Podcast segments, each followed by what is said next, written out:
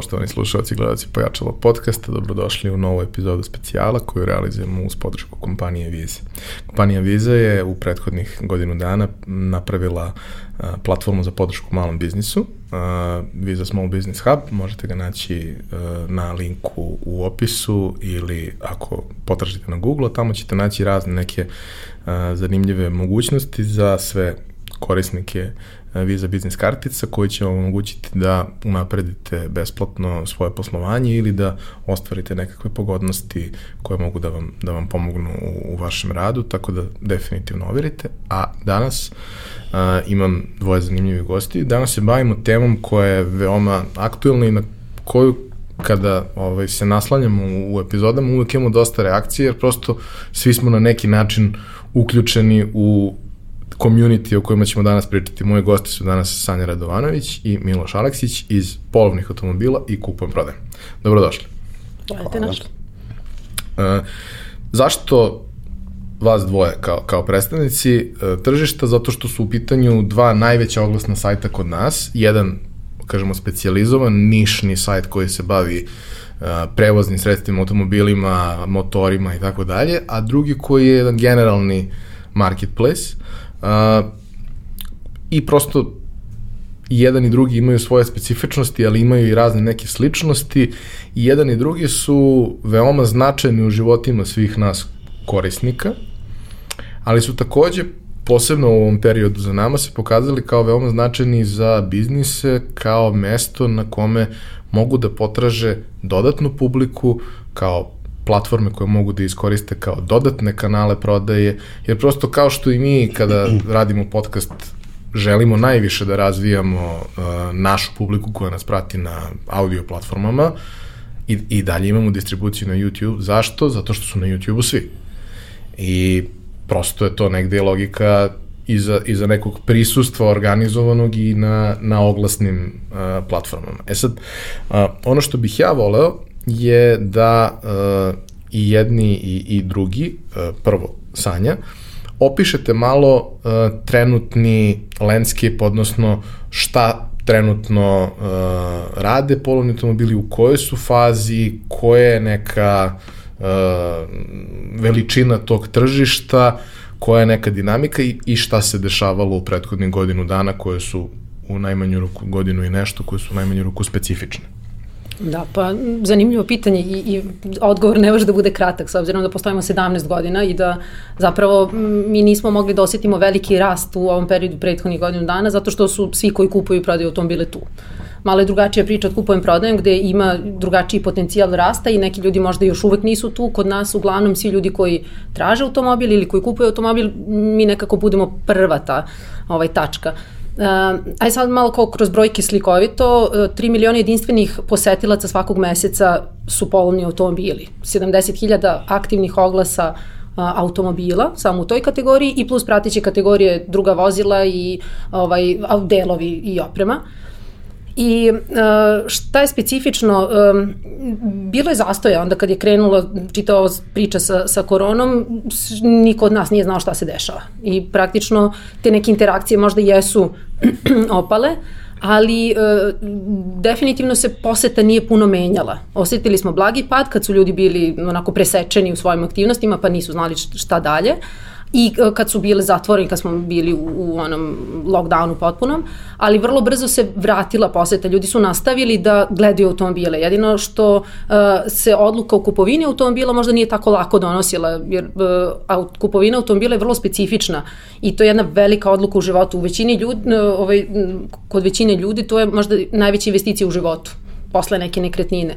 I taj proces odluke uh, je jako dug period koji prođe dok nađeš vozilo za sebe i dok odlučiš da ga kupiš traje.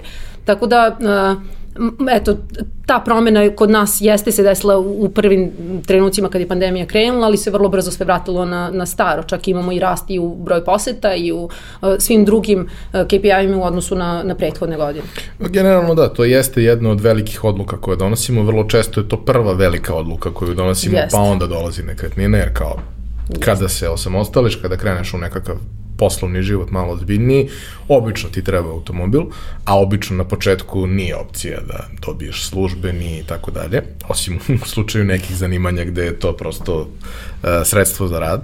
Ovaj, ali da, to jeste prva neka velika odluka koju, koju dobijamo. Ovaj, a ono što, što sam primetio, uh, istražujući za sobstvene potrebe ovaj, je da je recimo prethodna godina za, za dosta uh, kompanija koje su najbolji izvor uh, polovnih automobila starih par godina kada ih vrate nakon dve ili tri mhm. godine leasinga, da su svi oni produžili godinu dana to, jer je prosto situacija bila takva da niko nije želeo da rizikuje sa nekim velikim investicijama, ne znajući da li će to uopšte biti upotrebljeno. Ja čak kad gledam te neke ono statistike ko, ko, ko ima mogućnost da, da prati kilometražu, da je bilo mnogo slučajeva gde je prošle godine napravljeno beznačajan broj kilometara, jer prosto u jednom periodu smo imali i lockdowna i kada nismo imali lockdown nije se baš ljudima išlo. Kod mene se to nekako uvek zna, znaš, do septembra je godina relativno mirna, onda se napravi ono 4-5 hiljada kilometara dok se ide na more. Ovaj, prošla godina je po tom pitanju za sve bila, bila mnogo drugačija. Jedna stvar je kada, kada ti gledaš uh, te neke statističke parametre koje imaš, ali druga stvar je šta dobijaš kao povratnu informaciju sa samog tržišta, jer poseta i prodaja nisu, Naravno. ne moraju da budu Naravno. nužno u nekoj korelaciji. Šta je bio, šta su bile povratne informacije koje ste dobijali sa tržišta kada, kada je situacija krenula i prosto kako se to kroz vreme menjalo, pošto znam da ste u stalnom kontaktu sa svim partnerima sa kojima radite. Naravno, da. Pa mislim, to negde se poklapa i sa globalnim kretanjima, e, kako je e, bila otežana proizvodnja novih automobila, isporuka, onda su neki ljudi odustajali od kupovine novih automobila, ili makar, e, mi smo radili veliko istraživanje kod nas na sajtu, i ovaj, bila je prolongirana ta odluka ljudi su prosto čekali da, da vide šta će se desiti. I dok je sve bilo zatvoreno, naravno nije bilo ni, ni poseta, nismo generalno funkcionisali, tako da i posete placevima i prodajnim mestima su bile slabije, a onda je nekako kad se ta i medijska uh, ovaj, uh, priča o, o koroni, o pandemiji malo stišala, onda su svi osetili uh, nadoknadu onog mirnog perioda. Pa su tada čak i prode na autoplacima bile veće nego mesecima unazad, čak i, i prethodne godine. Nekako kao da se nadoknadio taj period kada se ništa nije dešavalo. I onda se lagano sve vratilo u, u redovne tokove. Tako da, um, definitivno se, su se ljudi teže, odlu, teže su donosili odluku da zamene auto, i, i nekako su čekali da vide šta će se desiti. Jer ipak, kao što smo rekli, to je velika investicija. Pored emotivne strane kupovini i prodaje automobila imamo i tu finansijsku gde ne odlučujemo tek tako lako da, da damo svoju ušteđevinu ili već da, da, da napravimo taj korak. Ali uvek genijalan taj moment kako nas pukne entuzijazam. Čim krene nešto pozitivno, nas pukne entuzijazam, pa onda često i te neke ovaj, stvari koje se, do, koje se dešavaju nakon toga ovaj, i posledice koje dođu kasnije, ono nekakvi drugi talasi i sve ostalo šta god je u pitanju, nas uvek dočekaju nespremne, ali, ali dobro. A, važno je da se stvari stabilizuju i izvesno je da, iako i dalje ne znamo šta će, šta će se dešavati, da se život lagano vraća u normalu, pa makar ta normala ne ličila baš toliko na onu, na onu prethodnu. Novo normalnost.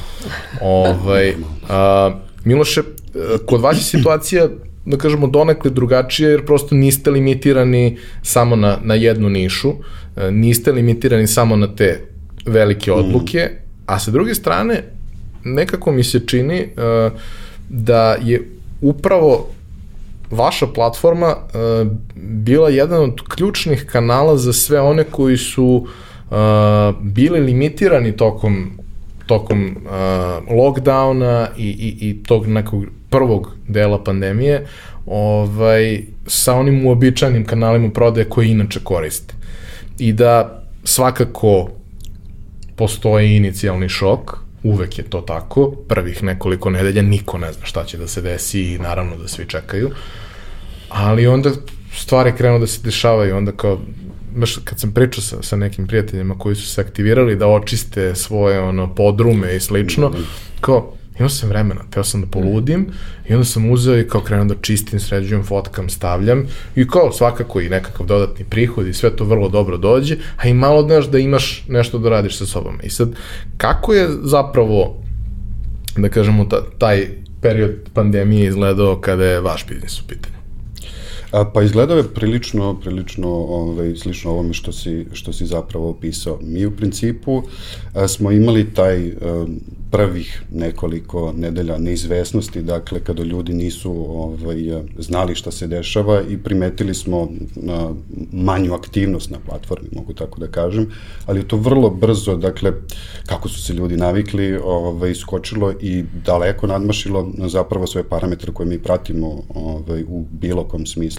Dakle, već negde od aprila um, jedna ozbiljna dodatna aktivnost, upravo ovo što si rekao na platformi, I, i to se zapravo nastavilo sve ovo vreme, tako da, e, tako da smo zaista ovaj, vrlo prijatno smo, smo bili iznenađeni time i ovaj, podržali smo upravo ovo što si rekao um, shvatili smo da, da se otvaraju nove, uh, nove interesne sfere zapravo, da su ljudi ograničeni vanrednim stanjem, tako da smo otvorili, na primer, uh, domaću hranu kao kategoriju i nakon toga odmor u Srbiji i ponudili to našim uh, korisnicima kao mesto gde zapravo mogu zameniti u tom trenutku zatvorene pijace, da mogu isplanirati odmor koji ima smisla za njih i to jako, jako lepo napredu i naišlo je na vrlo pozitivne reakcije i sa strane kupaca i sa, pro, i sa strane e, prodavaca. Tako da te stvari, e, kako da kažem, KP je ogledalo negde e, Srbije i našeg tržišta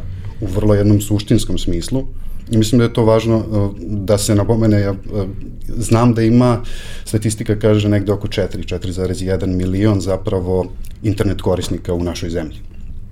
I od tih 4,1 milion, 2 miliona su registrovani korisnici, mi imamo registrovane korisnike, točnije 2 miliona e, registrovanih korisnika, a svakog meseca nas negde 1,5, 1,6 miliona ljudi poseti.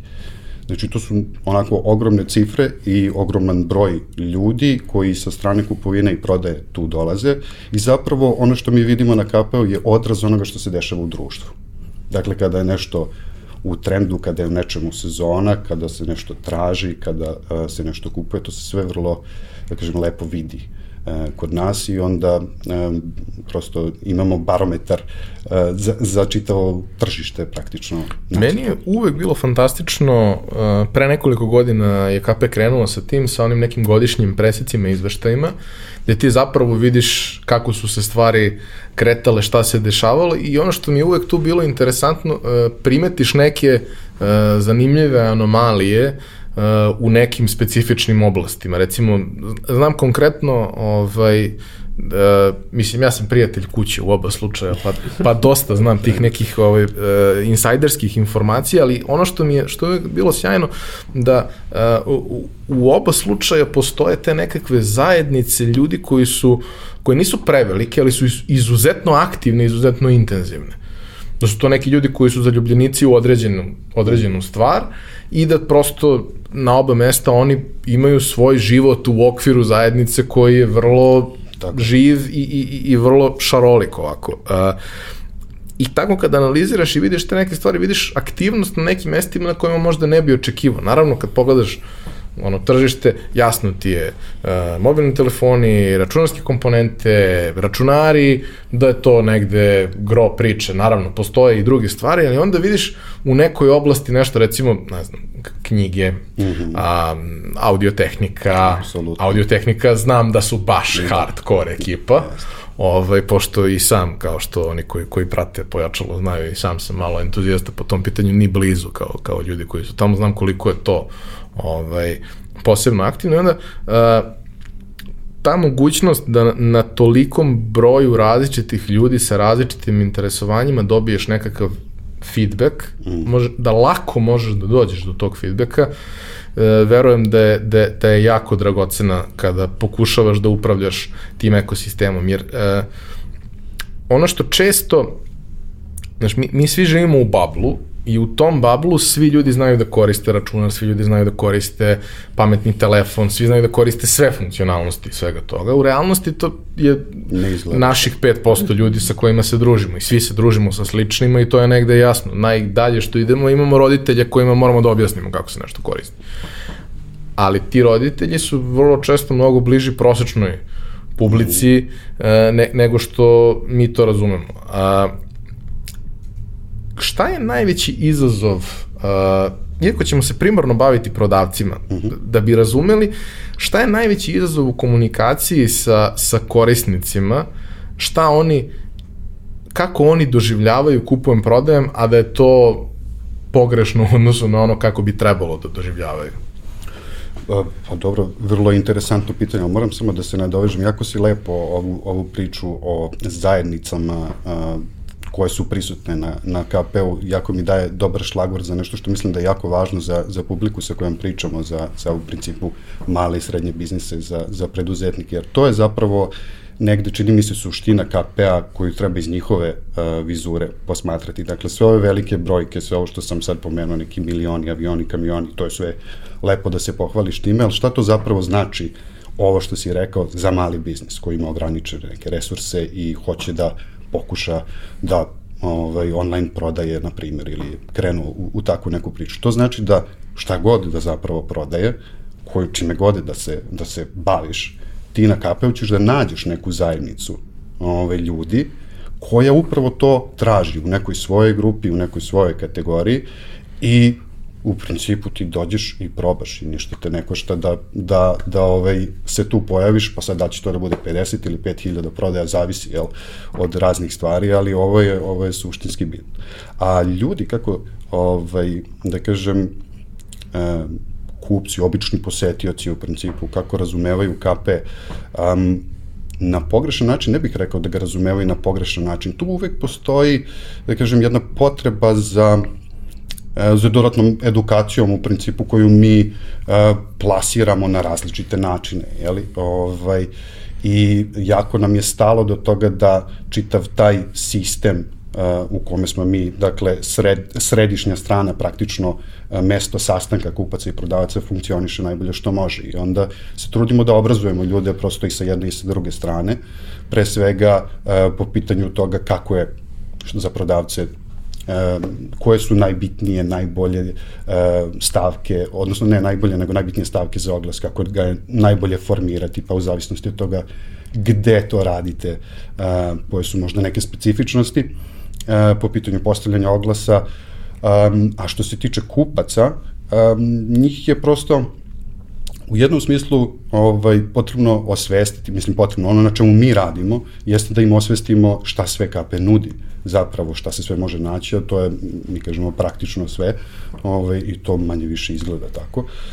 Um, sa naših 80 kategorija i 1000 i po recimo grupa u okviru tih kategorija Tako da, da ovaj, to, je, to je negde naš, naša uloga da osiguramo da, da sve te stvari funkcionišu kako treba, koliko god možemo da pomognemo jednoj i drugoj strani da efikasno i bez, bez ikakvih ovaj, izazova to, to dalje teče i da dalje nove ljude koji su, na primjer, došli sada pan, a, tokom pandemije, videli smo veliki skok u a, novim korisnicima u starijoj populaciji, recimo u populaciji iz manje urbanih sredina, jer KP apsolutno zastupljenje u celoj jeli, e, Srbiji, ali vidimo jednostavno ono, kroz analitiku da, da ima više ljudi nego što je bilo koji su 50 plus recimo, koji su ne nužno tako ovaj, pismeni informatički. I onda ti za te ljude hoćeš da upriličiš taj proizvod, da je možda, e, da kažem, E, taj proces uh, uh, onboardinga, kako ga zovemo, odnosno proces ovaj, kada korisnik uči da koristi platformu, da je jednostavni i dajemo savete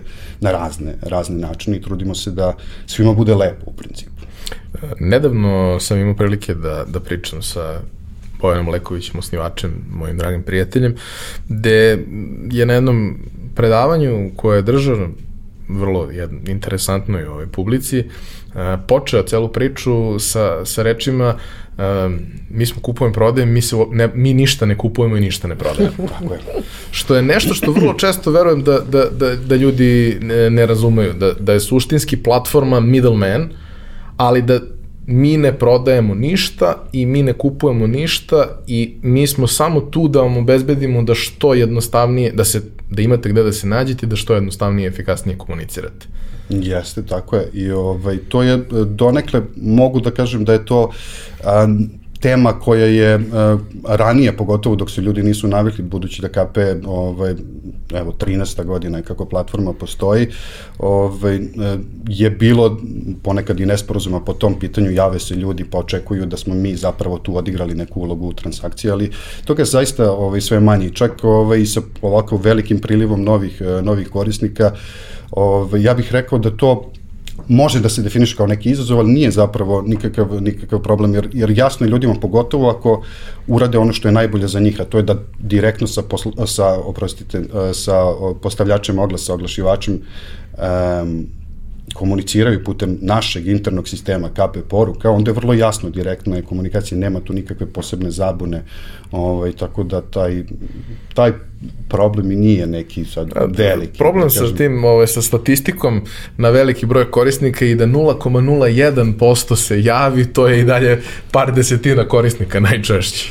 Jeste i ovaj pomno pomno ovaj pratimo to i opet vraćam se na to da je tu edukacija neka kroz vreme opet e, nešto što, što e, pomaže i svakako mi ne funkcionišemo u vakumu. Jel? I, i svi ljudi koji su na KP-u, ako, ako je ovaj, su to ti brojevi koji jesu zapravo ovaj, manje više svako ko ima internet u Srbiji 80% ljudi je došlo u nekom trenutku na, na, na KP to je takođe podatak iz istraživanja e, koje smo nedavno radili A, prosto oni koriste i Facebook, koriste i, ne znam, i AliExpress, jel, ili, ili, ili koriste bilo koji drugu od platformi koje nam čine život lakšim. Tako da, kroz vreme taj problem, da kažem, ili izazov toga da razumeš koja je uloga ove platforme, mislim, ja sam optimističan, ne može da bude nikad gore nego što je bilo, uvek to ide na bolje, tako da... Drago mi je za tvoj optimizam.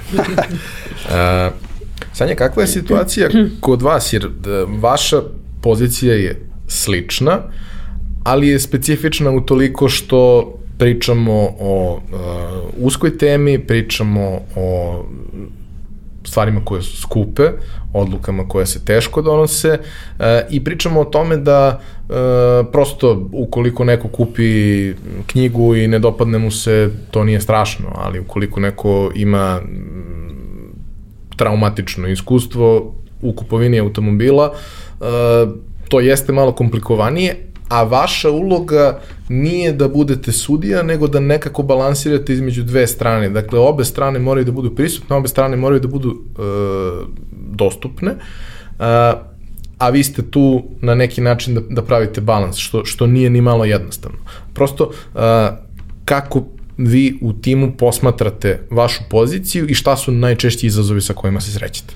Jasno, da, pa e, postoji puno sličnosti, ali stvarno i puno razlike e, između tog horizontalnog biznisa koji ima različite oblasti i naše uske specializacije za, za samo ovaj, kupovinu i prodaju automobila. E, definitivno naša uloga jeste da ih što efikasnije povezujemo, oni koji kupuju i oni koji prodaju. I naravno da nam je bitno da ih imamo sve. I, i jednoj i drugoj strani je tu interesu. Uh, a i vrlo je specifična ta zajednica koju mi godinama unazad okupljamo i koja nam daje i uh, vrlo su zahtevni, jako puno brige uh, sa naše strane ide ka njima zato što su vrlo aktivni i uh, jako puno očekuju od nas da, da smo tu i da im pružimo ono što oni žele i što, što dobiju od polovnih automobila. Radili smo neka istraživanja uh, i o percepciji brenda i nas često, uh, posebno muška populacija, kaže da su društvene mreže za muškarce.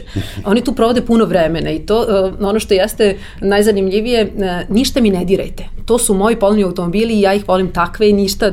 Čak i kad imamo neko unapređenja, jako teško ih plasiramo, zato što se često javljaju ljudi, pa sad ste mi pomerili, naravno vodimo račun o UX-u i, i neke stvari ne smemo da diramo, ali neke druge stvari koje su očigledno unapređenje, korisnici su zbog svoje navike ne žele da se to menja. E, teško izbalansirati koliko treba da im pomognemo. Naša želja jeste da im uvek pomognemo u tom procesu i kupovine i prodaje i puno toga već radimo na, na tu temu, ali e, nekada oni baš i žele da se tu i da se sami snalaze da, da prodem vreme, da ja da uložim dovoljno truda da nađem ono što meni treba. Ono što je naša suština jeste da obezbedimo što lakše snalaženje na, na platformi i za jedne i za druge i da um, zato jako korisna naša detaljna pretraga gde ljudi sta, stvarno mogu da selektuju samo ono što njih zanima. Uh, i imamo i neke različite grupe korisnika, neko ko samo dođe i nađe ono što mu treba i neko ko sate i sate provodi prateći. Voli da vidi. Prosto voli, da. Ja sam ženska, ne razumem baš do, do detalja to ponašanje, ali imam puno ljudi u okruženju što je isto vrlo specifično i to nam i istraživanje potvrdilo i, i, i znamo i sami, svako ima tog nekog svog iz okruženja koga konsultuje. Ja provedem sama vreme, tražim sve i onda pitam da li je to, ne znam, suprug, tata, prijatelj, uglavnom ne, neko, ovaj, neki muškarac ili naravno majstor ili neko kome se veruje. Tako da e, ta odluka jeste kompleksna stvarno i čak i taj proces odlučivanja o kupovini nije linearan. Nemamo neke faze kroz koje oni nužno prođu, nego dođu do neke faze pa se onda vrate na početak, pa onda ponovo gledaju ili su umeđu vremenu videli neki drugi model pa su skroz promenili odluku ili su povećali budžet, to je ono nikad dovoljno novca za, za kupovinu, kao odredio sam 5000 i onda mi se sviđa neki od 6, pa ajde kao još malo i tako. Tako da ono što mi inače uh, se trudimo jako da radimo, to je baš upravo edukacija. Da uh, pomognemo onima koji prodaju i tu imamo isto dve grupe um, obični korisnici ko, koji prodaju svoje sobstveno vozilo, koje što se dešava jednom u par godina i one koji se time profesionalno bave. Oni koji se time profesionalno bave to rade već godinama unazad, prešli su iz offline sveta u online svet, ali neke zakonitosti su ostale iste. Uh, I sa njim uglavnom nije problem, zato što to, to su ljudi koji su dugo sa nama. Mi imamo prodajne savjetnike koji imaju jaku komunik aktivnu komunikaciju sa njima. I rade šablonski. Pa mislim da, neke stvari jesu, neke stvari i oni na osnovu svog iskustva unapređuju kroz vreme, jer nešto su naši savjeti, a nešto su što, iskustvo koje su oni stekli. Sami prate i vide šta je to što, što njima donosi dobre rezultate. Na nama je da im sugeriš, da im prvo obezbedimo na platformi ono što je za njih važno, a onda da im pomognemo da to na najbolji način koriste. Um, i ono što mi zaista radimo jeste da uh, ih spajamo i da omogućimo prodavcima da njihov od, od, oglas vidi adekvatna publika.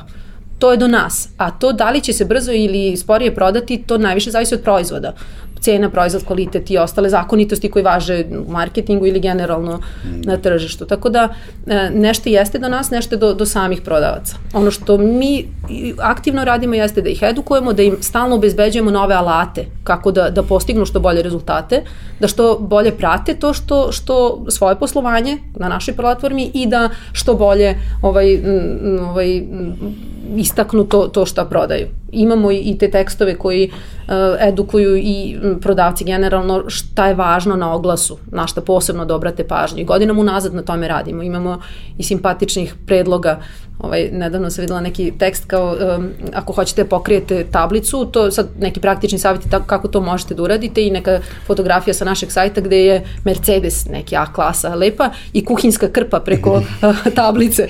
Ko sakre čovjek, karirana crvena. Dobro da. dok nije maska. da, da, sa to sa maskama je baš ovaj, traumatično. A, ono što, što je posebno negde specifično za oba vaša uh, sajta je što kada pogledaš spisak recimo top 50 najposjećenijih sajtova u Srbiji, oni svi imaju ok, naravno taj trend pada posjete kako ideš od prvog ka, ka narednim mestima, ali ovo, ovi ostali parametri broj pregledanih stranica, vreme zadržavanja i tako dalje su manje više slični. Osim u slučaju vaše dva sajta koja ekstremno oskaču od svega ostalog. I to su e, brojevi pregledanih, prosečni brojevi pregledanih stranica koji idu desetinama, često i stotinama, prosečno vreme zadržavanja koje ume da bude duže od sat, dva, gde ti u principu za nekakav e, individualni sajt nekog biznisa i to ti si srećan ako imaš duže od dva minuta zadržavanja ili tri, ovde imaš naravno i neuporedivo više sadržaja i sve ostalo, pa se ljudi zadržavaju duže, ali ono što, što je negde tu važno je da na tu količinu a, posvećenog vremena i tu količinu otvorenih stranica, svaki milisekund je važan. U korisničkom iskustvu svaki milisekund je jako bitan, jer ako svaki put čekaš po 2 milisekunda više, u nekom trenutku ti dojeti. A, I sa te strane oba sajta su izuzetno brza, izuzetno optimizovana, što opet na taj broj korisnika, na tu količinu sadržaja je poseban izazov. Nećemo se ovde baviti tehničkim detaljima toliko, ali prosto koliko je to vama značajno, koliko sa strane biznisa se vi bavite time, koliko je taj tehnički deo i u slučaju prvo, ajde, polovnih automobila, a posle i, i, i vas, koliko je to vama ključna stvar? Jako važno. Mislim, ne znam kako je kod kupujem prodajem, ali kod nas je razvoj i IT su možda i naj, razvoj konkretno je možda i najvažniji sektor, zato što miri sve, sve strane i sve druge sektore i naravno da, da vodi račun o svim tim stvarima. Jako je važno. Naša prva obaveza je da budemo funkcionalni, da, da isporučujemo pravu uslugu, brzu, da, da serviramo sadržaj koji je za tebe relevantan. Onda je koliko smo lepi i ostale stvari, to, to je manje važno. Čak i neke stvari koje bismo mi iz marketinga da, da ulepšamo, uh, ljudi ne daju zato što oni su navikli na to, oni vole ne, taj veliki, ne pipaj ništa, da. Tako da to, to je stalni izazov, ali na, postoji taj ti neki famozni ovaj, primeri iz sveta, Craigslist i slično, koji mm. izgledaju tako kako izgledaju, a, a i dalje su lideri i, i ostvaruju odlične rezultate. Tako da, Da. Iz ugla inženjera izgledaju savršeno. Pa eto, da. jeste, jeste. Marketing i, i, drugi sektori. I kape nego je taj um, inženjerski pristup rešavanju takvih, takvih mi. problema. Poznato ti je. Ovaj, da smo kompanija koja ima svoj proizvod u srcu i ovaj, sve je podređeno zapravo funkcionalnosti. Tako da u tom smislu apsolutno je, je fokus na iskustvu koje je i za prodavce i za kupce prosto uh, nema trenja u najboljem mogućem, e, u najboljem mogućem smislu da možeš sve da uradiš ovaj, vrlo brzo. I da, I da ti je sve lako, intuitivno, ovaj, i to je ono na što se prosto ide i to je, to je čest, odnosno stalni cilj uh, tima koji se bavi razvojem same platforme. Ovo što si pomenuo za, za ovaj, te neke ključne metrike kada se upoređuje recimo KP sa, sa uh, drugim sajtovima, To proizilazi iz toga što postoje različiti načini ponašanja jel, na samom KP-u i negde je vezano za, za ono što si primetio da postoje ljudi koji jednostavno koriste uh, KP, kažu uh, na Twitteru neko piše um, relativno skoro od društvenih mreža koristim KP, mislim da, vrlo da. slično. Jer imaš svoju nišu, imaš svoje nešto što ti interesuje, što te opušta, pa sedneš Dobro, pa ima nas ljudi koji vole da odu da gledaju nameštaj. Uh, jeste, gledaš nameštaj. to je sve u redu. I to je, to je negde i ta snaga ovaj, uh, platforme kao što je KP, odnosno KPA konkretno, jeste što ti imaš u svakom trenutku, znači svakog meseca ti dolaze sve, da kažem, novi i novi ljudi kojima se javlja neka potreba. Sa jedne strane da kupe nešto konkretno, da li je to ovaj, šolja, da li je nameštaj za kuću, da li je nešto za dvorište ili, ili ovaj, da prodaju organske proizvode koje proizvode, a sa druge strane imaš i fanatike i ljude koji su tu fenomenalno ovaj, ih zanima to sve. I ovaj, stalno su tu, vise svaki dan, ja gledam grafičke kartice sebi, recimo, to mi je sport. I samo ih beležim i onda kupim, posle nekog vremena kupim neku od njih, pa onda gledam drugi. I uvek je neka aktivnost i to je super recimo za, za opet kažem, mali biznis ili za, za neko ko, ko a, hoće da proba tu online prodaju, um, ti dođeš na kaper, dođi kao korisnik i gledaj šta se dešava u grupi u kojoj bi postavio oglas. Ne moraš ništa ni da radiš za početak. Evo, uzmi dva dana, što se kaže, Radi i gledaj, research dva dana. I gledaj koji je broj oglasa u grupi. Pa ih ima u tvojoj grupi, danas ih ima 5.500, sutra ima 5.700, pa se tu se dešava neka dinamika, to ti je prvi signal da se nešto dešava. Dalje imaš preglede, znači mi javno prikazujemo preglede oglasa i to koliko ljudi je sačuvalo oglas kod sebe u nalogu, znači da hoće da mu se da vrati kasnije, da ga prati. I to kad vidiš, opet ti daje utisak, aha, postoji potražnja. Znači, poprilično je onda, da kažem, nije neka filozofija, treba da budem tu, ako imam proizvod koji je, koji je ovaj, e, za tu grupu, besplatno dođem, postavim oglas i, ovaj, i vidim kako zapravo ide. A još ako ima ovih plaćenih promocija, to je onda tek ovaj, dobar signal da su ljudi zapravo spremni da plate, da se promovišu, dakle da njihov oglas ostane na vrhu te grupe, jer kako dolaze novi oglasi, oni sve idu jedan preko drugog, ili tako? I postoji opcija plaćene promocije u kojoj ti, ako vidiš da se to dešava u tvojoj grupi, onda nema šta da razmišljaš, to su ljudi koji trguju, dakle, i očigledno zarađuju, tako da ovaj, to, su, to su dobri signali koji, koji ovaj, su, su dobri da se vide. Kada vidiš da, da postoji biznis uh, koji ima zdrav biznis model ili više biznis modela, naravno, ali koji ima zdrav biznis model gde se jedan značajan deo zasniva na mikrotransakcijama, odnosno kupovinama nekih uh, kredita koji su čije, čija je vrednost mala u, u iznosima, ali uh, vidiš da postoji firma iza toga koja stoje, koja je ozbiljna, to znači da ima mnogo prodati kredita. Odnosno da mnogo ljudi iskoristi priliku za tako nešto. Ono što, što je super je što u suštini uh, ti nisi u obavezi da, da ih koristiš da bi mogao da, da uradiš te neke osnovne stvari koje ti trebaju i kada postavljaš tu priču, ne radiš to tako da od svakog korisnika po svaku cenu naplatiš Naravno. maksimum, nego da to prosto uradiš kod onih koji žele nešto više i koji žele da to koriste profesionalno. A, e sad, polovni automobili a, imaju malo drugačije postavljen biznis i, i tu je uh, ukoliko si ti, kažemo, pojedinac koji nešto prodaje, suštinski možeš sve da završiš bez ikakvih izdataka. Mm -hmm naravno, možda ćeš e, brže, lakše da završiš pa ukoliko... Kako si situaciji, koliko brzo želiš da prodaš automobil, možeš to i nekim drugim stvarima da koriguješ, spustiš cenu i odmah si konkurentniji. Ili Ali, napišeš fantastičan oglas. E, imam nekoliko primjera takvih oglasa gde, gde su mediji, izvini ako sam ti prekinula ne, pitanje, okay. ali, ali palo mi je na pamet, uh, bukvalno smo imali devojku koja uh, je pisala oglas kao uh, iz ugla automobila, o, o, Opel Corsa raskida sa, sa svojom devojkom, odnosno sa svojom vlasnicom oglasom. Poznajem. I, e, e, video si, da. Znači, taj oglas su preneli svi mediji, bukvalno, i e, mi tačno u analitici vidimo skok broja pregleda sve, svega. Devojka je prodala za par dana automobil. E, taj oglas su preneli svi mediji nakon što sam ga ja šerao. Eto, dobro, hvala Miliću. Jer je gazdarica ovaj, imala to kao, prosto imala je ok automobil, interesantan automobil, ali jedan od hiljadu istih takvih nije želelo da spušta cenu jer u pitanju jeste automobil koji je održavan, gde prosto ne želiš da umanjuješ vrednost nečega o čemu si vodio računa. Vrlo je, izvini, ali vrlo je lepo to istakla, kao posle svake žardinjere profesionalna sa, ovaj, servis za, za popravku i ostalo, tako da ona da. uspela da na kreativan način istakne sve te vrednosti. I sad, ok, naravno, nije realno očekivati da će sad svako da sedne da napiše esej o svakom proizvodu koji prodaje, ali povremeno to jeste nešto što stvarno napravi neku razliku. Ovaj, ali e, da se vratimo na, na, na ono što, što je primarna tema, to je kako je postavljen biznis. Odnosno, šta ja kao neko ko ima interesa da se tamo nađe, a ne znam kako funkcioniše, šta je ono što treba da znam? Mi imamo baš jednu veliku promenu od prošle nedelje na sajtu gde smo malo, u stvari jako puno se o tome razmišljalo i, i analiziralo i ispitivale su potrebe svih korisnika. Potpuno je promenjen zapravo i model oglašavanja i paketi oglašavanja imali smo jedan cilj, da e, omogućimo ljudima koji se profesionalno bavi, kojima je to primarni biznis, da to iskomuniciraju na, na, na sajtu i da e, platformu iskoriste na, na najkvalitetniji mogući način da predstave svoje poslovanje.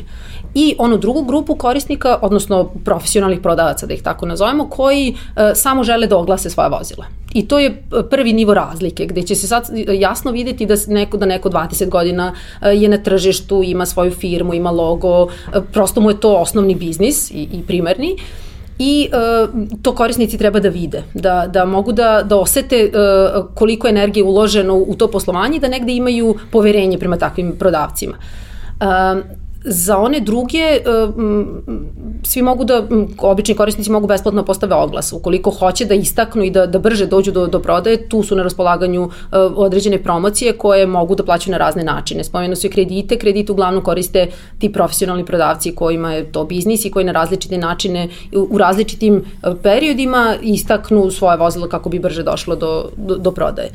Tako da jako se prati potreba druge strane to jako dugo smo analizirali koje su njihove potrebe da bi upravo mogli kroz pakete oglašavanja da odgovorimo na, na, na njihove specifične zahteve. A, vi takođe na, na kupujem prodajem Miloša imate e, stvar koja je postavljena na način da ti kao individua možeš da dođeš, postaviš oglas, možeš da postavi, možeš da imaš da, i, i više oglasa, da, da, ne postoji problem. Ne postoje, da. Ali suštinski, da kažemo, značajan broj onih koji su profesionalni uh, prodavci i biznisi uh, koriste KP izlog mhm. kao, kao opciju da na neki način na jednom mestu objedine svoju ponudu na jedan strukturiran, pregledan mm -hmm. način. A, koliko se koristi KP izlog? KP izlog se koristi, kao što si rekao, od, od prodavaca koji najčešće imaju šarenoliku ponudu koja prevazilazi, na primjer, nekoliko različitih kategorija, ovaj, pa je onda upravo to način da, da zajedno ovaj, objedine objedine svoju, e, svoju ponudu. Um, a, sa druge strane, znači svako može da, da i uh, običan, da kažemo, prodavac, kao što smo ti i ja, koji nije profesionalni prodavac, i neko ko trguje, može neograničen broj oglasa da, da okači uh, besplatno potpuno i ovaj, sa druge strane može da ih, da ih uh, promoviše korišćenjem nekih od, od opcija za, za, za promovisanje oglasa. Tako da izlog jeste jedan način koji je plaćeni da, da ti kao e, prodavac objediniš svoju ponudu, ali apsolutno nije nikakvo, e, nikakvo moranje, niti neki preduslov uh, uspeha zapravo uh, na platformi. Tako da um, u principu nema, nema da kažem, neke uh, preference, to su, to su stvari koje će svaki biznis za sebe odlučiti. Ti zapravo ono što imaš jeste činjenicu, ok, došao sam, postavio sam svoje oglase i prvo ću da vidim kako radi, bukvalno sa besplatnim oglasima. Pa ću onda da upalim promocije, to radi, pa ću možda da probam, eto i Ja za izlog znam uh, konkretno za, za dosta, da kažemo, biznisa koji to posmatraju kao alternativu sobstvenom e-komercu. Mm, mm.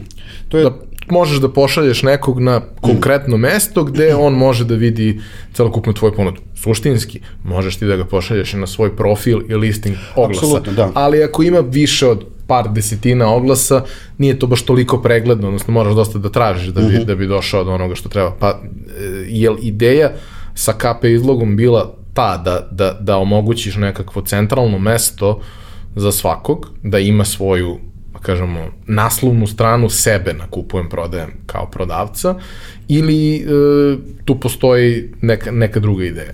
Pa e, generalno mogu da kažem da, e, to jeste ideja s tim što to, da kažem, to je deo proizvoda koji nije direktno u mojoj nekoj e, sferi kojom se ja konkretno bavim kao, kao neko ko vodi marketing u KP, ovaj, tako da ne mogu sad nešto da ti elaboriram preterano ovaj, o, o nekim dubokim razmišljanjima tu, ali generalno jeste, jeste ovaj, e, ideja takva u principu.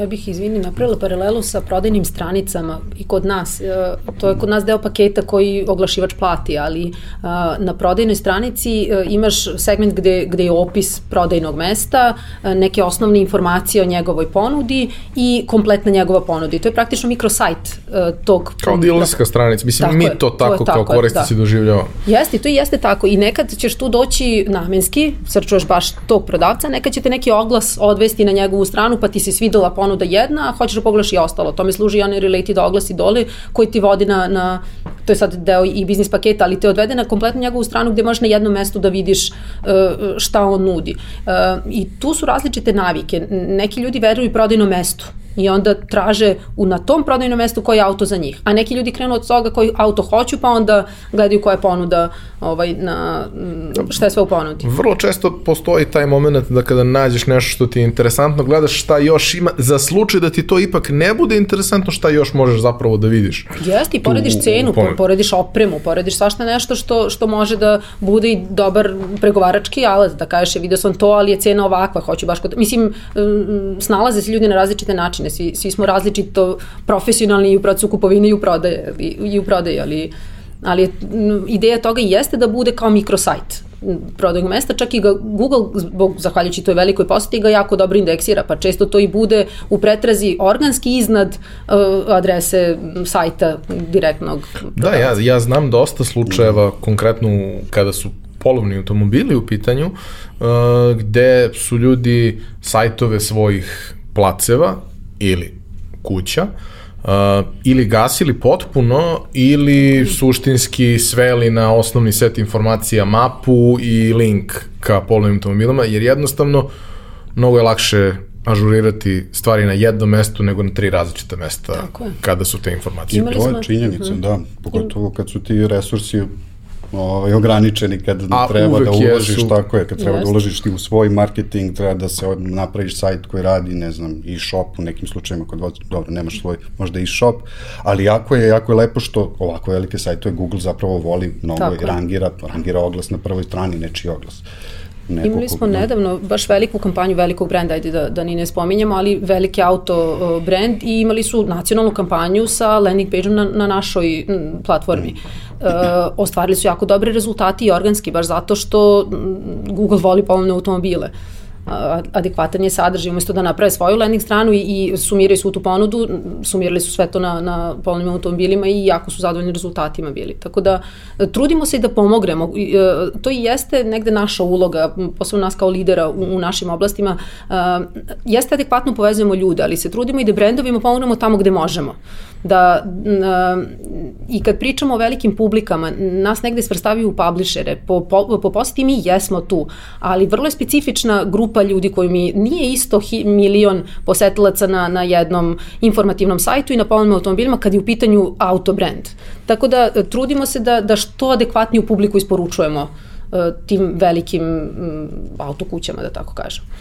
Uh ono što bih, što bih volao da nam bude, e, kažemo u nekom drugom delu razgovora gde, gde ćemo davati konkretne savete, fokus je, e, ako se razmišljaš da kreneš da prodaješ kroz jednu od, od vaših platformi ili kroz obe u zavisnosti od toga šta, šta zapravo prodaješ, um, o čemu treba da vodiš račun? Odnosno šta su neke stvari koje često primetite kod korisnika da nemaju svest o tome a da su zapravo jako značajne za dobro korisničko iskustvo kupca koje je jako važno da bi se izgradila reputacija i sve što usto ide. Ajde da krenemo od, od kupujem prodajem jer je generalnija, da. generalnija priča. Ovaj, tu mi sad daješ šlagvort jer smo relativno skoro radili interno istraživanje ovaj, stotina ovaj, kupaca i pretežnih, odnosno pretežnih kupaca i onih ljudi za koje znamo da su prodavci. Zamolili smo ih da, da pričaju sa nama o tome koji faktori utiču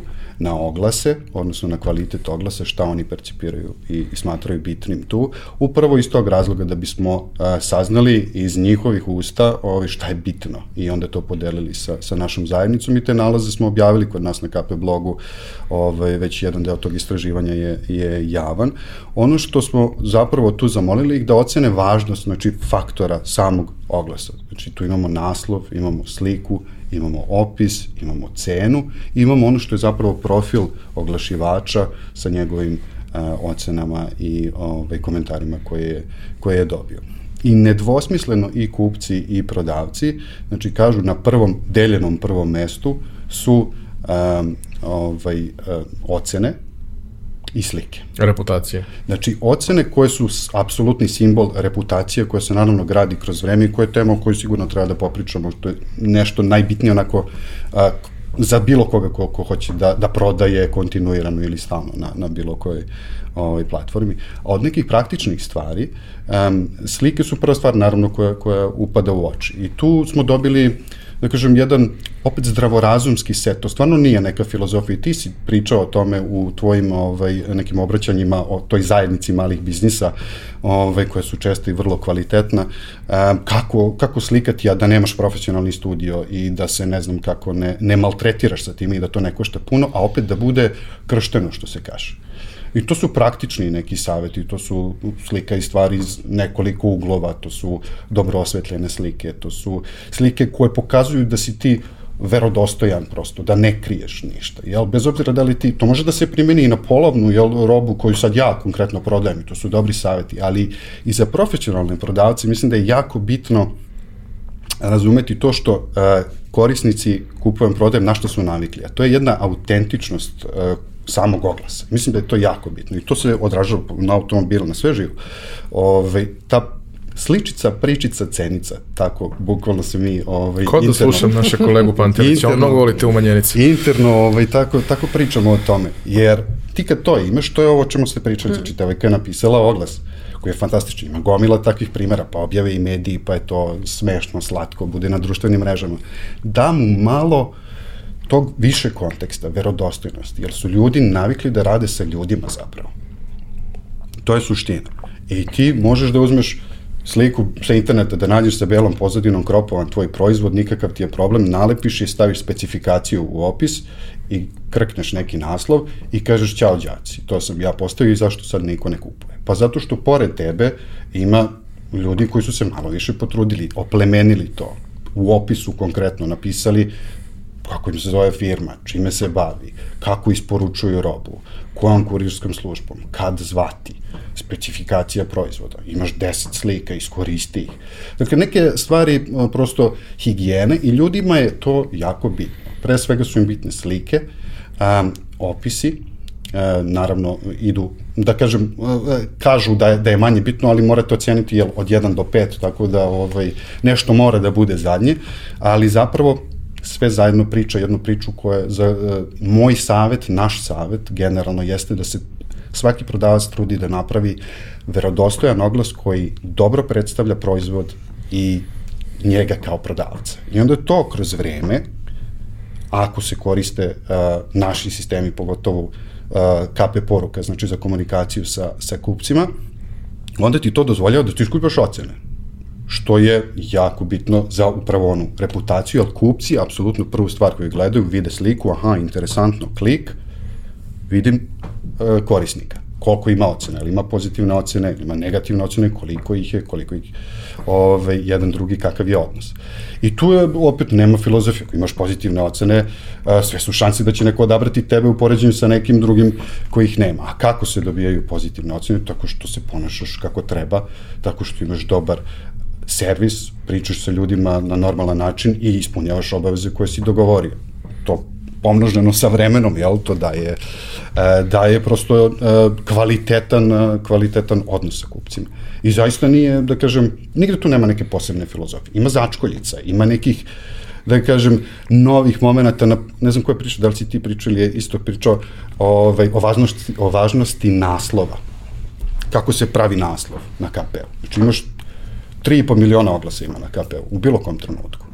I sad ljudi mogu da odu u kategorije, jel, pa u grupe i kao sad ću ja da tražim ovaj, eh, alat, recimo. Ili mogu da koriste search bar da pretražuju. Ono što ti kao prodavac treba da uradiš tu, je ne da pišeš iz svog, eh, svoje, svoje specifikacije proizvoda, nego da razmisliš o tome kako zapravo korisnik pretražuje to. Šta on piše?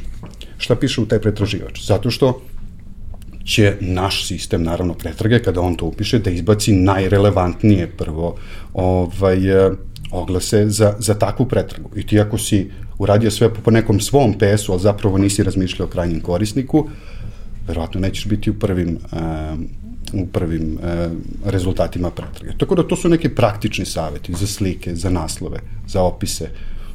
Ima ih uh, i opet to je i onaj deo oko edukacije o kojoj pričamo. Mi ovaj, trudimo se da uh, a, pogotovo znači za, za, za e, nove grupe koje otvaramo kao što su Odmor u Srbiji, kao što je domaća hrana, koje su malo specifične.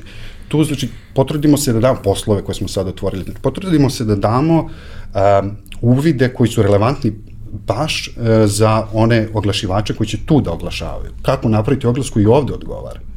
Znači za, za domaću hranu vrlo je, e, da kažem, dobro staviti uz te slike koje imaš, ne slikati samo svoj med ili uh, višnjevaču ili šta god da imaš, nego slikaj i sertifikat I koji sirovinu. Imaš. I sirovinu. Slikaj gde proizvodiš.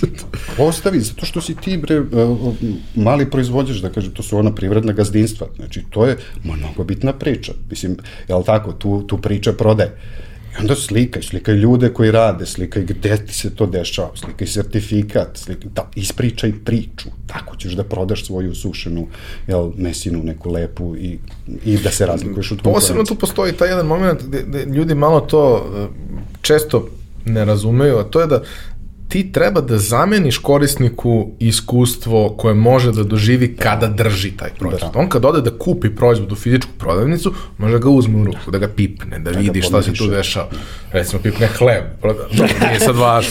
yes. Ali upravo, znaš, kada pričamo o nekoj elektronskoj trgovini, a ovo jeste elektronska trgovina, samo nije da. onaj klasičan, klasičan e-commerce, kao kako nekome da daš mogućnost da kupi laptop, pa brate, daj mu sve što možeš, jer on... Može i što ne može. Kako to je uređaj sa kojim imaš direktnu interakciju, skoro da moraš da ga pipneš. Hmm. Ali ako mu daš dovoljno informacije, daš mu mogućnost da vidi feedback korisnika možda na taj uređaj, onda će možda lakše doneti tu odluku bez da zapravo stupi u interakciju. Ovde isto tako, ti na neki način pokušavaš da olakšaš, skratiš vreme i sve ostalo, ali suštinski da pružiš iskustvo koje će biti najbliže moguće korisniku. Apsolutno si upravo. A, kod, kod kupovine automobila je to još posebno značajna stvar, jer a, za takvu vrstu kupovine smo mi spremni da odemo nekoliko stotina kilometara. Na kupujem prodajem smo spremni da kupimo proizvod koji je nekoliko stotina kilometara, jer ima neki ljudi što voze to pa donesu, pa ti onda otpakuješ iz kutije. Ali auto baš i ne donesu i ne otpakuješ ga iz kutije.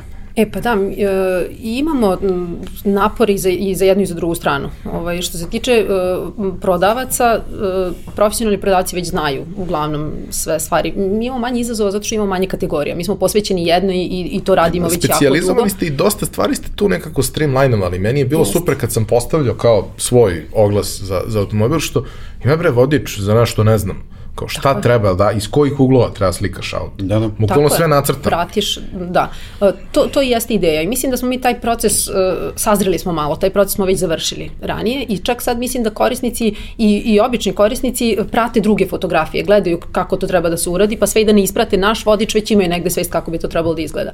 Definitivno su bitne slike, to je, to je prva stvar i e, čak smo tu imali godinama unazad smo osvešćivali koliko je to važno i kako dobro fotografisati, a on onda su krenule da se pojavljaju fotografije koje imaju u pozadini neki, ne znam, istorijski moment ili uh, mosti, ne znam, i onda dominira to na fotografiji, onda je auto u drugom, u drugom planu. Tako da stalno treba praviti balans da stvarno uh, ta fotografija što autentičnije predstavi auto iz raznih uglova, sve one stvari na koje mi kao kupci obraćamo pažnju. Uh, Drugo, ono što je možda kao posmatramo i ne obraćamo pažnju na to, a, a vrlo je važno da sve bude jako dobro i precizno upisano. Jedna cifra koja se promeni u kubikaži neće prikazati u rezultatima pretrage uopšte taj auto. Nevidljiv je. Tako da kod nas je specifična kupovina, kod nas Neko, ljudi uglavnom... automobila nema otprilike. Nema otprilike, sve je precizno, tako je. Uh, ono što, to, to je ono prvi preduslov da sve bude tačno uneto. To, to je prva stvar i da kvalitetne fotografije ima, naravno. E, uh, koliko će biti primećen oglas, jako zavisi od te emocije koje se unese. Prvo da, da se sve bit, svi bitni podaci, kako je održavan, koliko je uloženo u neko održavanje, da li je uh, u ovlašćenim servisima ili ne, servisna knjižica, uh, istorija neka ranija, to su uh, jako bitne informacije koje ulivaju poverenje kupcu potencijalnom i naravno da ćeš pre pozvati nekoga ko je sve to ispisao i ko ti je privuko pažnju odmah, nego neko ko je samo stavio nov, nov, nov, a auto star 10 godina. Tako da protiv nekih stvari, ne, negde se trudimo stvarno i da, da menjamo njihove navike, neke, neke stvari da im zabranimo da rade, a neke stvari da ih edukujemo da nije dobro za njih da, da, da rade. Uh, E, to što se tiče e, prodavaca. S druge strane, što se tiče kupca, jako se trudimo da mu sumiramo sve informacije. Imali smo koji model je po tvojoj meri, pa ti onda imaš neke grupe e, automobila, uneseš raspon cena koji ti je na raspolaganju i mi ti ponudimo neke potencijalno kategorije koje su za tebe važne. I onda ti možeš o svakom modelu da iščitaš i prednosti i nedostatke. Uvezano sa autotestovima koje radimo sa Milošem Maksimovićem, koji pored toga što je zabavno na kanalu i ljudi vole da ga prate, ima vrlo veliku vrednost za, za potencijalnog kupca. Zato što ako nima prilike da vozi automobil, možda pogleda jedan vrlo realan autotest gde smo zaista neutralni, nemamo sponzorstva pa sad hvalimo neki model. Naša ideja jeste da ti prenesemo i nedostatke i prednosti uh, tog automobila, pa onda Miloš ima i jako detaljne razgovore sa, sa vozačem, sa, sa vlasnikom automobila gde, gde prenese svoje iskustva i plus on testira automobil tako da, da ga oseti i da može da to prenese kupcu. E, to je ono što, što se mi trudimo da radimo, da sve uh, važne informacije za potencijalnog kupca stavimo tako da su mu lako dostupne. Mi nećemo doneti odluku umesto njega, to i nije naša ideja. Naša ideja je da tebi pružimo sve moguće informacije, da ti možeš sam da doneseš odluku o tome šta ćeš kupiti. Da, na dosta mesta postoji taj moment koji, koji mi je fantastičan da, da ste se potrudili da kao možeš da odeš da popuniš kreditni kalkulator, znaš otprilike kakva je situacija. Ok, svaki kredit je specifičan, leasing specifičan, ali dobiješ prilično neku jasnu sliku. Uh, onda recimo uh, i uvezano je sa, sa uh, platformom Moja garaža gde ti dobiješ nekakve povratne informacije od ljudi Tako koji su vozili taj auto baš smo pričali pre nego što smo krenuli sa snimanjem, pre x godina sam ja popunio za tadašnji automobil koji i dan danas jako volim, Smart 44 je fantastičan auto, ovaj, ali je vrlo redak kod nas i nema mnogo ljudi koji su to popunili. Onda, pošto je redak, a e, po, ima ipak neko tržište, meni i dan danas stižu pitanja tamo. I meni nije teško, ja odem, ja volim taj auto, ja odem i odgovorim ljudima šta su, da, naravno, Dobar mislim, čovjek. postoji auto star 15 godina, ovo su neki izazovi koje imate, ali ima nekih stvari koje tu stvarno mogu mnogo da se vole. Ja ponovo razmišljam da kupim da imam kao dodatni auto. Ovaj, ali, ali fantastičan, uh, fantastičan feature takođe. Onda taj moment gde prosto, uh, iako to ne mora ništa da znači, ti omogućiš ljudima da oni vide koja je, koji je neki raspon cena kada je taj automobil, taj model sa tim osnovnim setom karakteristika u pitanju. Pa vidiš da li je auto na sredini toga, u višoj ili, ili u nižim cenama, znaš neki odnos stvari. Da, to što je on možda skuplji 10-20% od, od, od nekog proseka, možda postoji objašnjenje, ali možda i ne postoji. Vrlo lako možeš da vidiš i da uporediš. Skraćen je put da ne moraš sve te stvari da radiš peški. To je ono što radimo već godinama unazad. E, Taj e, prosek cena je jako važan i za nekog ko postavlja oglas. Zato što nekad nije loša namera, prosto ne znam kakve su cene. Umesto da istražujem sajt i ne znam koliko dugo tražim, imaš taj neki raspon cena pa ti odluči gde ćeš biti. Imali smo primer oglasa e, zastava skala 55, 4000 i ne znam, 4500 i čovjek u opisu piše nije greška, to je cena. E, 2008. godište, ne znam, očuvana je kao nova, 20.000 km prešla i on kaže svaka roba ima svog kupca. Ne moraš ako ti se ne sviđa. Te oglasi, Nisam baš siguran da svaka roba ima Ne, svog ali- kupca, ali ali svako ima pravo da proba. pa- Možda ima ljubitelja, neko hoće baš takav primjerak i našo ga je. Tako da, meni je to potpuno u redu. Ti najbolje znaš koliko ceniš automobil. Možda mu se ne žuri, možda želi da ga proda, eto, nekada. Tako da, e, zato je bitno da svaki, to, to što si ti rekao, da bude autentičan. Stvarno da prenese e, e, neke osnovne stvari, ali i brigu o tom vozilu, zato što jako mi je važno da li je neko ko vodi računa o automobilu ili mu je bilo sve jedno šta vozi, preveze ga od tačke A do tačke B. I taj auto ima kupca i cenu i sve ostalo, ali je jako korisno da se to prenese u oglasu. Svakako, nije isto. Nije isto kada, kada prosto razmišljaš kao kupac i nekad si spreman i na rizik, ukoliko smatraš da je taj rizik opravdan, ali prosto voliš da znaš okvir u kojima se krećeš. Što kažu uh, tradicionalni mediji, a, a to može dobro da se primeni u oba slučaja na, na nas što imamo tako neke kategorije koje uvek pratimo iz listama i uvek ono, svaka dva, tri dana pređemo šta je bilo u poslednjih dva, tri dana na tim kategorijama. Poznavalac prilika. Da, da, poznavalac prilika Kakva je situacija? Poznavalac prilika na tržištu polovnog nameštaja, kao šta e, mi god. ih imamo na Facebooku puno. Da, da, da, da, da. Mislim, uh, jedna od super stvari koju, koju ovaj, zbog koje mi je jako drago što kao na polovnim automobilima to nema, to su komentari. Jer ja svaki put kad da čitam komentare na oglase, kao i kad čitaš komentare na YouTube, mm. ono, ako se ne izbodeš, daj sebi vremena, doći će do toga. Pa, ogledalo smo Srbije. Mm. Ovaj, mislim, KP je toliki da ovaj, stvarno a, sve što, što imaš, mislim, praktično sve, moram, marketar sam, ovaj, ali zaista u smislu i od širine a, ponude, od, profila ljudi koji su tu, od, a, u svakom smislu se nalazi, jel, a, na, na, na jednoj takvoj platformi. I onda imaš i ljude koji će da kupe nešto vrlo specifično i onda imaš te da, on, divne priče koje izlaze iz svega toga i ovaj, puno ih ima Bojan, naš CEO, voli da ih priča kada on prodaje vrlo specifičan televizor star 15 godina, pa nađi čoveka koji mu treba baš takav, zato što ima već jedan takav model. Ovaj, to, to, su, to su, mo, takve se priče događaju svaki dan, ali sa stanovišta biznisa koji, koji nešto radi eh, preko KPA, to je manje više, ne, ne bih da kažem garancija, nije, ne može niko da garantuje, ali šta god da prodaješ, ono što šta god da prodeš, gotovo sigurno ima publike. Da li to ima 5 ili 50 ljudi, to je, ili 500 ljudi, to je, kako da kažem, stvar koja treba da se promeni da se, da se proveri, ali ovaj, vrlo je nekako, ta širina ti obezbeđuje i specifičnost. I ljudi možda nemaju percepciju koliko to zapravo ljudi ima na ovim našim. Mm -hmm. Kad kažeš mesečno 1,6 miliona nekih ljudi ili koliko god, ali to nisu svakog meseca isti tih 1,6. Ne, u celoj Srbiji ima 7 miliona ljudi i svakog meseca 1% tih ljudi, znači 1,6 nekih dođe. Pa u toj svako mesečno obnavljajućoj, što se kaže, hrpi ljudi koju ti platforma obezbeđuje, pa to će, mora da bude nekih ljudi koji su zainteresovani za to što ti prodaš. Da li ćeš uspeti da ih ovaj, sve sad uzmeš za sebi i koji deo toga ćeš uspeti, to je već druga stvar. I stvar koja se jeli vežba i, i radi, ali, ali ovaj, prilike su to. Ja znam dosta primjera um, ljudi koji imaju nekakvu redovnu prodaju, e, redovan svoj biznis, redovnu prodaju i ovo im kupujem prodajem posmatraju kao dodatni kanal. Mm.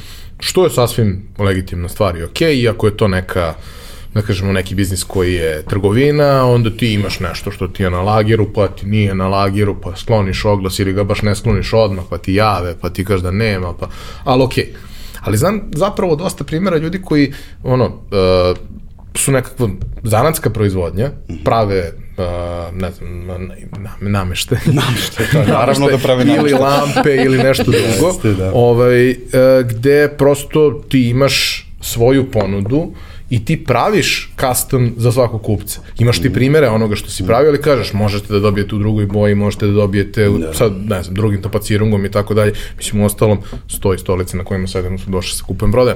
Zašto? Što u Beogradu nisam uspeo da ih nađem, a čovjek mi ih je poslao za tri dana iz, ako se dobro sećam, Niša ili, ili Leskovca. Pozdrav za Niša. Ovaj, ali prosto kao, u tom trenutku mi je to trebalo, trebalo mi je nešto specifično, nije baš najstandardnija stvar na svetu, bilo je važno da bude stabilno i kao, ok, evo dve i po godine, sve kako treba. Ovaj, uh, ali to, ima dosta tih slučajeva gde ljudi prosto predstavljaju ono što radi, iako to nije finalni gotovi proizvod koji postoji, nego evo, mi pravimo ovo, ovo su neke stvari koje inače radimo, ako tebi nešto tako treba, javi nam se, spostavit ćemo neku vrstu, neku vrstu Kako saradnje. Ne? Kako da ne? I to je, to je, mislim, dotakli smo se nekoliko puta sličnih vrlo tu tema koje su baš relevantne za takve male biznise, dakle neke manufakture, ljude koji rade po poručbini i imaju neke, jeli, kataloge, ne kataloga, odnosno ne rade iz kataloga. Um, baš dobra tehnika je upravo ovo što si rekao, dakle, uh, postaviš oglas na kupujem, prodajem i održavaš ga, voliš ga kroz vreme. Znači, mi imamo mehanizam koji se zove obnavljač koji a, ti dopušta da tvoj oglas, koji bi inače posle 30 dana istekao, da ga obnoviš. Ove, I to je plaćena usluga. Šta to radi? To ti zapravo služi da ti sačuvaš svoje preglede, svoju on, web adresu, znači internet adresu tog oglasa, u kojem ti upravo to navedeš, ispričaš svoju priču, staviš slike svoje ponude, predstaviš se. I kroz vreme, zapravo i Google počne da te voli, ako si dobro uradio oglas, a ti praktično imaš nešto što da napraviš sam u smislu posećenosti i vidljivosti, ti treba puno zaista ulaganja. Ovaj, dakle, da imaš svoj sajt, da imaš, moraš ga napraviti, da kreneš na Facebook ili Instagram, sve ćeš to da uradiš ti vremenom, naravno. Da naučiš kako se, kako se rade te stvari i kako se privlači poseta i kako se baviš generalno online prodajom. Ali ovde dođeš i kod nas bukvalno možeš to da uradiš za pola sata, jel? I da ti to kroz vreme donosi bara bar posetu, jel, i neki obrt uh, kao sa stvarima koje postepeno razvijaš kao, kao ovaj, neki mali biznis u, u online smislu. Tako da ovaj, ima, ima zaista, zaista dobar, dobar, dobar si primer našao. Kakva je situacija uh, kada pričamo o polovnim automobilima sajt se zove polovni automobili, ne odnosi se samo na polovne automobile, nego i na sve ono ostalo što prati automobile, zapravo ako pričamo u apsolutnom broju oglasa, te ostale stvari čine veći mm -hmm. deo oglasa, a, ali su one specifične. One zahtevaju malo drugačiji pristup. A, koliko su ljudi posvećeni tome kada su u pitanju svojim oglasima, kada su u pitanju stvari koje a, za početak ne koštaju onoliko koliko košta auto, pa samim tim možda motivacija nije baš tako jaka e, drugačiji pristup i nas samih zaposlenih, a drugačije i, i kupaca i prodavaca. Malo je teže urediti taj deo tržišta jer je raznoliki, recimo, delovi i oprema. E, mi interno imamo tim kojim se time bavi i neke zakonitosti iz automobila ne važe tamo. Ovaj, pa da, mislim, neke stvari su iste. Fotografija, ne znam, retrovizora, isto je važno da bude, da se vidi ka, u kakvom je stanju taj proizvod. E, tu je malo teže napraviti tako laku pretragu kao što važi u automobilima i malo teže ljudi znaju šta kupuju. Treba još vremena, to je malo mlađa oblast, da kažem i kod nas i, i e, to je nešto što će se tek razvijati dodatno, gde će se ispratiti koje su potrebe e, i kupaca i prodavaca. E, zanimljiv je naziv nas polovnih automobila i koliko nam je pomogao u životu zbog toga, zbog generičkog naziva i zbog prve asocijacije, toliko nam nekad malo i otežava situaciju zato što mnogo ljudi ne zna da imamo i nove automobile. I da imali smo pre par meseci sajam, online sajam novih automobila, imali smo u radio reklami, nije greška, novi automobil na polovnim, baš, baš zato što nismo prva asocijacija za, za nove automobile, a već imamo ozbiljan broj oglasa u toj kategoriji i ta kategorija takođe raste.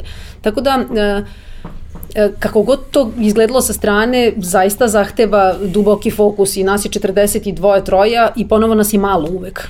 Kad god se nečeg uhvatimo, fale ljudski resursi da, da bi se to razvijalo još, još više. Veliki je potencijal stvarno ovde.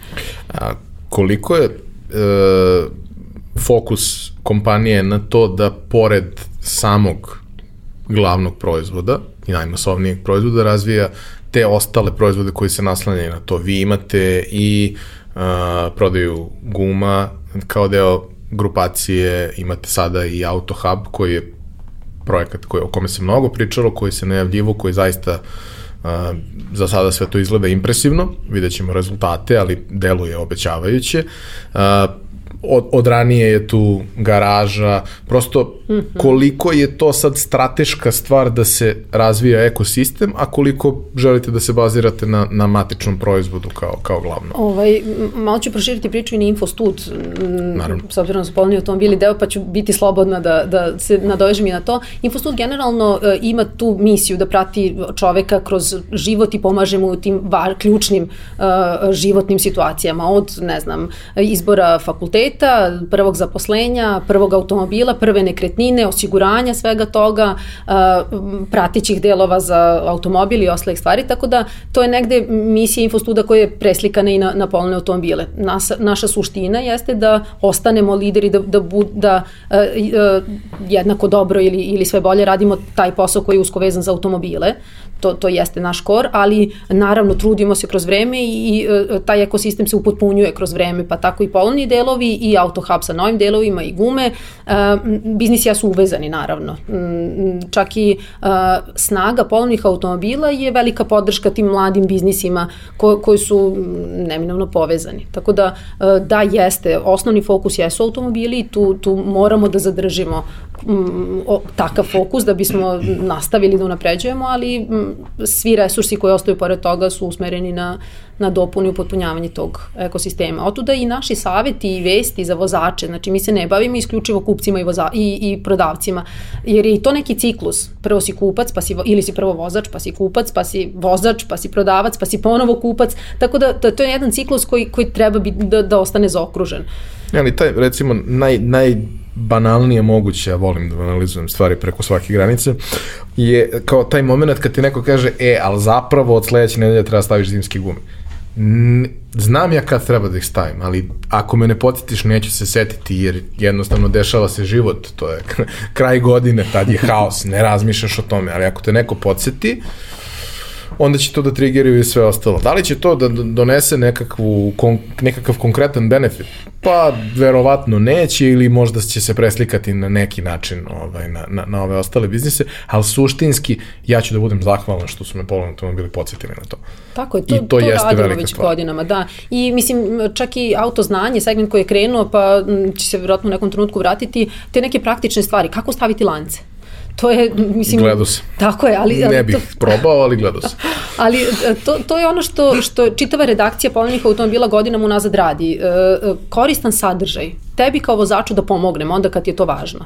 Nenametljivo da te mi pratimo i da te bombardujemo. Mi samo treba da budemo tu prisutni da ti lako dođeš do informacije. Onda kad ti zatreba. Što se guma tiče, to prepuštamo kolegama iz IPG, oni će to uraditi vratno bolje nego, nego mi jer su fokusirani samo na to. Ali opet je dobro da su tu prisutni, da znaš da na polovnim automobilima možeš lako da dođeš i do guma i do novog dela i do, do polovnog dela i šta god da ti treba. Sve na jednom mestu što je u principu na neki način i slogan ovaj, oba biznisa, svakog naravno u, u svojoj oblasti. A, ljudi, hvala vam. A, mislim da smo ispričali neke prilično važne stvari a, i, i dali ljudima nekakve konkretne teme za razmišljanje i savete kako da uđu u ovu priču na što bolji način. Da li imate nešto za kraj što biste hteli da, da, da poručite onom malom broju ljudi koji možda ne znaju uh, i još nisu probali da, da, da koriste vaše platforme? Miloše? No, ja sam mislio da će ovaj, kao gentleman, ali dobro. Um, zaista nije ovo neka filozofija. Dođi i probaj. Bukvalno, da li si kupac ili si prodavac pogotovo. Ovaj, ono što što je tu suština jeste da su ljudi, tvoji kupci, već tu i ovaj, besplatno je u principu. Sa te strane jako, jako jedna jednostavna poruka. Ovaj, Spuštena ulazna barijera maksimalno. Nema nikakve barijere, zapravo ovaj, praktično sve ovaj, za praktično svakog smo, smo uspeli da, da, da stvorimo i to je ono što mi donosimo, a ostalo je na tebi prilično je lako u svakom smislu.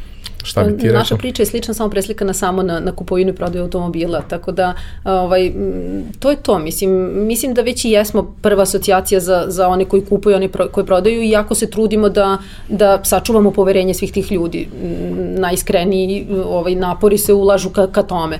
Puno toga je besplatno i za, za korisnike. Oni koji se time profesionalno bave, to je, čak smo se potrudili da što bliže približimo, da što detaljnije objasnimo šta je to što oni dobiju kroz te neke neke pakete oglašavanja. I uh, ono što, što mi uvek ističemo, mi imamo interni KP, to je naša korisnička podrška, uh, to su stvarno uh, čitav jedan sektor koji je uh, tu na raspolaganju svima kojima nešto nije jasno. To je živa reč, nisu chat botovi koji daju formulu kako da rešiš svoj problem, nego nazoveš i, i devojke pomognu šta god da ti, da ti nije jasno. Tako da tu smo. Da, došli smo u fazu da kad treba da pričamo sa, na četu sa nekim, prvo postavimo neko pitanje na koje bot ne bi znao da da odgovor, da, da, da, da, vidimo da li Nema je to stvarno. Dajte nas, živi ljudi i to je to. Dobro, hvala vam puno. Hvala tebi puno. Hvala vam što ste nas slušali, hvala našim prijateljima iz kompanije Visa koji podržavaju realizaciju ovog serijala. Nadam, nadam se da vam je bilo interesantno. Takođe, sugerisat ću vam još jednom da pogledate šta se nalazi na uh, vizinoj platformi za podršku malom biznisu, jer tamo ima nekih interesantnih stvari za uh, korisnike uh, Visa biznis kartica, a manje više svi koji, koji imamo biznise imamo barem neku njihovu karticu, tako da svi smo negde publika koje, koje se obraćamo. Uh, hvala vam još jednom, to bi bilo to za, za ovo izdanje. Vidimo se u nedelju u redovnoj, a u narednu sredu u novom specijalu. Svako dobro.